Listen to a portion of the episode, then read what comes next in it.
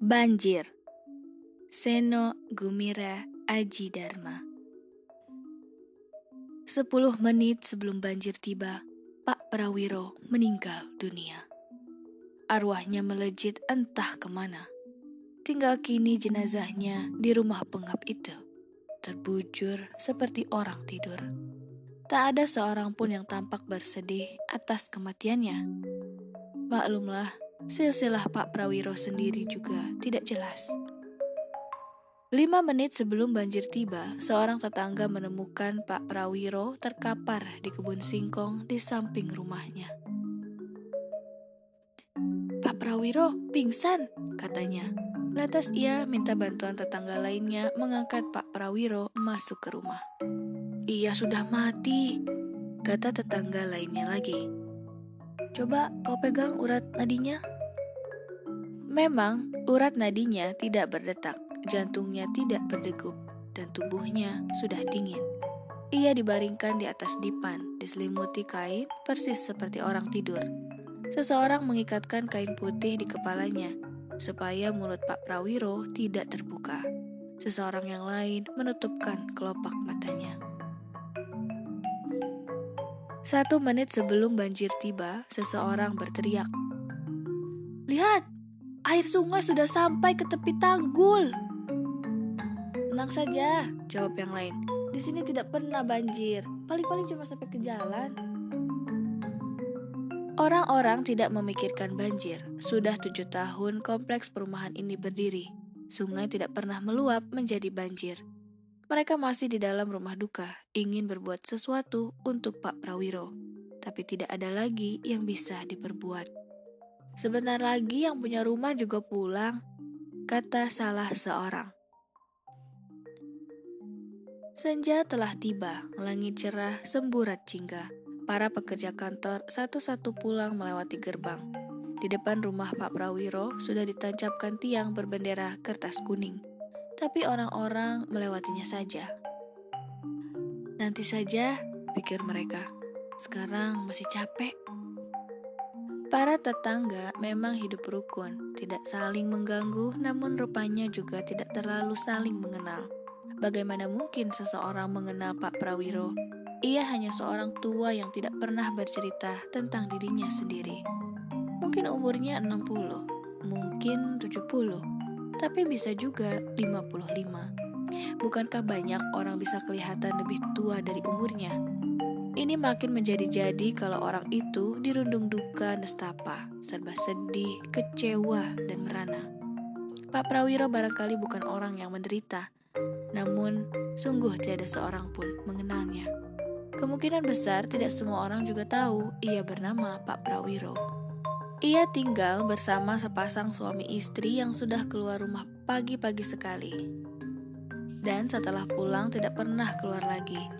Sehingga nama mereka berdua pun orang tidak terlalu ingat. Tentu saja nama itu ada di catatan Pak RT. Tapi bahkan Pak RT pun tak pernah bisa hafal nama keduanya. Maklumlah, lagi-lagi maklumlah, di kompleks perumahan ini semua orang hidup seperti itu. Orang datang dan pergi. Orang keluar rumah hanya untuk pergi bekerja. Orang masuk ke rumah hanya untuk tidur karena kecapean di perkuda Jakarta. Sekali waktu orang mengetuk pintu, pamit dan bersalaman. Hanya karena mau pindah rumah ke tempat yang lebih indah, yang temboknya mengandung keju dan gula, dan keran airnya menyemprotkan sarsaparilla. Jadi, tidak ada seorang pun punya alasan untuk mengenal, apalagi bersedih dan menangis atas kematian Pak Prawiro.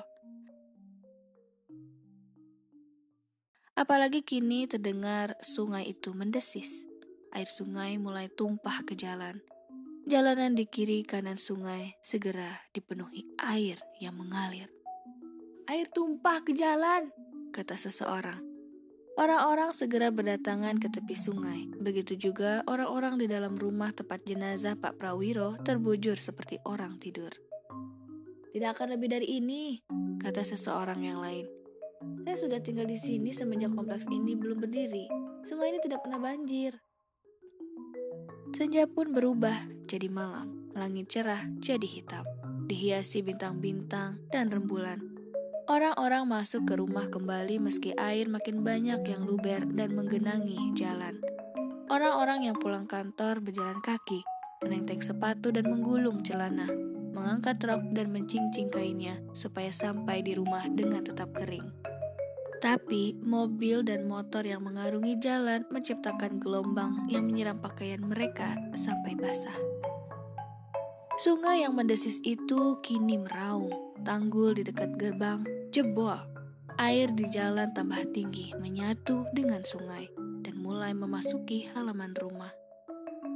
Di dalam rumah, orang-orang sedang asik menonton pertandingan sepak bola di televisi. Sorak-sorai penonton di stadion bergemuruh menggema dalam sistem suara serba stereo yang mampu menggerakkan daun telinga. Ajar! Tembak! Suara stadion bergabung dengan sorak-sorai penonton di rumah masing-masing. Mereka tidak mendengar Hansip membunyikan kentongan. Banjir! Banjir! Awas! Air mulai masuk rumah. Air merembes dari celah pintu. Air merembes dari saluran kamar mandi. Air merembes dari saluran air belakang rumah. Orang-orang terperanjat. Lantai berikut tikar dan karpetnya mendadak basah. Mereka membuka pintu dan terkejut karena bagaikan berada di tengah sungai yang mengalir dengan derasnya. Air menghambur masuk ke rumah. Televisi segera diangkat. Namun, banyak barang segera mengambang karena tidak sempat dipindahkan. Orang-orang berusaha menyelamatkan mobilnya, tapi banyak yang macet, sehingga terpaksa mendorongnya melawan arus. Ibu-ibu sibuk menyelamatkan bayi, perhiasan, uang, dan ijazah. Sejumlah orang bergotong royong memperbaiki tanggul. Mereka hilir mudik menumpuk karung-karung pasir. Toh air sungai tetap saja meluap. Di dalam rumah air sudah setinggi lutut. Mereka yang mempunyai loteng segera naik ke atas dan tidur. Mereka yang tidak punya loteng berbondong-bondong mencari tetangga yang punya loteng. Tetangga yang punya loteng bangun lagi menyambut para pengungsi dengan wajah masam. Orang-orang berjajar di pinggir loteng menonton banjir. Perumahan itu bagaikan sebuah kapal besar yang sedang berlayar. Tiada hujan, tiada angin, tapi kompleks perumahan itu kebanjiran. Pak RT mulai berpikir, ini pasti disebabkan penimbunan dan pemadatan tanah di perumahan real estate yang keran airnya menyemprotkan sarsaparilla. Tiba-tiba terdengar teriakan. Pak Prawiro! Pak Prawiro!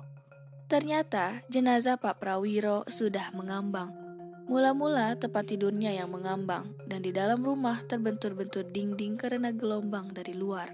Suatu ketika benturan cukup keras sehingga jenazah Pak Prawiro bergulir dari tempat tidur. Jenazah itu terbawa arus melewati pintu yang terbuka lebar. Sempat tersangkut sebentar di pagar tapi ketika air meninggi, jenazah Pak Prawiro segera terseret arus. Matanya yang tadi tertutup kini terbuka. Seseorang yang sedang menyorot-nyorotkan senter melihatnya. Pak Prawiro, jenazah Pak Prawiro terbawa arus. Ia berusaha mendekat tapi langkahnya sangat lambat karena di jalanan air sudah setinggi pinggang. Jenazah Pak Prawiro mengambang seperti orang berenang dengan gaya punggung tanpa menggerakkan tangan. Tolong, tangkap jenazah Pak Prawiro. Sejumlah orang lain yang sedang mengungsi berusaha mencegatnya, tapi jenazah itu seperti enggan ditangkap. Ia menyerong dan melejit seperti ikan, mengikuti arus yang menderas di tikungan. Jenazah itu kadang-kadang berguling tengkurap, untuk kemudian berbalik lagi seperti masih hidup. Cegat sebelah sana! Cepat! Cegat sebelah sana! Sejumlah orang lain lagi bahkan berusaha berenang mengejarnya supaya bisa lebih cepat. Namun anehnya jenazah Pak Prawiro tetap lebih cepat. Dicegat di sebelah kiri, ia melejit ke kanan. Dicegat di sebelah kanan, ia menyelusup lewat tengah. Seseorang melompat untuk menjambret bajunya. Tapi tangan Pak Prawiro seolah-olah menempelnya sampai lepas. Lolos, cegat lagi di ujung sana. Sebelum sampai di ujung, jenazah Pak Prawiro tersangkut di semak-semak. tangannya yang menggantung seperti melambai-lambai. Orang-orang tertawa. Ya, ya, sebentar, kata Hansip yang sudah basah kuyup. Sebenarnya, Hansip itu tinggal beberapa langkah saja ketika jenazah itu lepas lagi. Woi, Pak Prawiro lepas lagi, kejar, cegat! Akhirnya, seseorang mengejarnya dengan berlari di atas atap rumah. Hal ini memang lebih mudah dilakukan. Dari atap ke atap, ia ikuti jenazah Pak Prawiro yang menjelajahi setiap lorong di kompleks perumahan itu.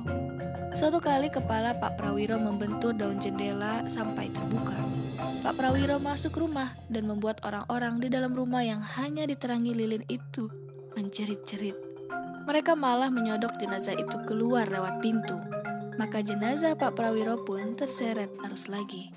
Kain yang mengikat kepala Pak Prawiro sudah lepas, sehingga mulut Pak Prawiro bisa terbuka dan tertutup seperti meminum air. Di suatu pusaran yang terbentuk di perempatan, jenazah Pak Prawiro berhenti dan berputar-putar. Orang yang di atas atap itu segera menunjuknya. Ia berputar-putar di perempatan, cepat! Orang-orang datang dari segala penjuru. Tertangkap kamu sekarang. Ujar seseorang sambil menubruknya. Jenazah Pak Prawiro tertindih penubruknya ini sampai tenggelam. Ketika ia muncul lagi, tangannya hanya memegang kaos singlet. Mana dia? Lolos! Orang-orang celingukan, kemudian terlihat sarung Pak Prawiro, tapi cuma sarungnya. Kemudian seolah-olah terlihat tangannya, tapi ternyata bukan. Di jalanan yang telah berubah menjadi sungai memang mengalir segala macam benda. Ember, sendal jepit, kursi, bola voli, celana dalam, tong sampah, dan surat-surat. Selain musang air yang berenang kian kemari. Jenazah Pak Prawiro tidak kelihatan. Barangkali jenazah itu sebetulnya belum jauh, barangkali tersangkut di suatu tempat entah di mana. Sebenarnya bahkan bisa dicegat di suatu tempat di hilir sungai, dikejar dengan mobil dari luar kompleks. Namun mereka sudah lelah, lapar, mengantuk dan kedinginan. Lagi pula, memangnya Pak Prawiro ini siapa? Sudah lumayan sempat sibuk mengejar-ngejar. Orang-orang masih panik memikirkan keselamatan keluarganya masing-masing. Banjir ini memang tidak terlalu mengerikan, namun siapa pun yang belum pernah mengalami kebanjiran pasti akan merasa panik, gelisah, dan tersinggung kehormatannya karena ikan mas dari kolam tetangga berenang-renang di dalam rumah. Pada saat seperti itu, siapa yang bisa begitu peduli kepada jenazah seorang Pak Prawiro? Bahkan mereka juga baru tahu sekarang kalau nama orang tua itu Pak Prawiro. Sudahlah, nanti kalau surut juga ketemu, kata Hansip. Ketika Fajar merekah, air mulai surut. Orang-orang berangkat ke kantor sambil menenteng sepatu dan menggulung celana. Siang hari, ibu-ibu menjemur kasur di pagar dan di atap rumah. Jalanan penuh lumpur dan becek. Rumah tempat Pak Prawiro tinggal masih kosong. Suami istri yang menempati rumah itu belum pulang. Rupa-rupanya mereka tidur di mobil yang diparkir berderet-deret di luar kompleks. Mereka langsung berangkat lagi dan mandi di kantor setelah membeli baju di toko. Hari ini keduanya pulang lebih cepat dari biasa, barangkali memikirkan Pak Prawiro. Tidak pernah jelas benar apa hubungan mereka dengan orang tua itu. Pak RT melihat mereka memasuki rumah yang kosong. Bendera kuning di depan rumah sudah terbawa banjir. Tidak ada tanda apa pun yang menunjukkan bahwa orang tua yang tinggal serumah dengan mereka itu bukan saja sudah meninggal, tapi jenazahnya juga sudah hilang terbawa banjir. Pak RT sedang memikirkan kalimat yang paling tepat untuk menceritakannya, sambil mencoba mengingat kembali, setidaknya salah satu dari nama mereka berdua.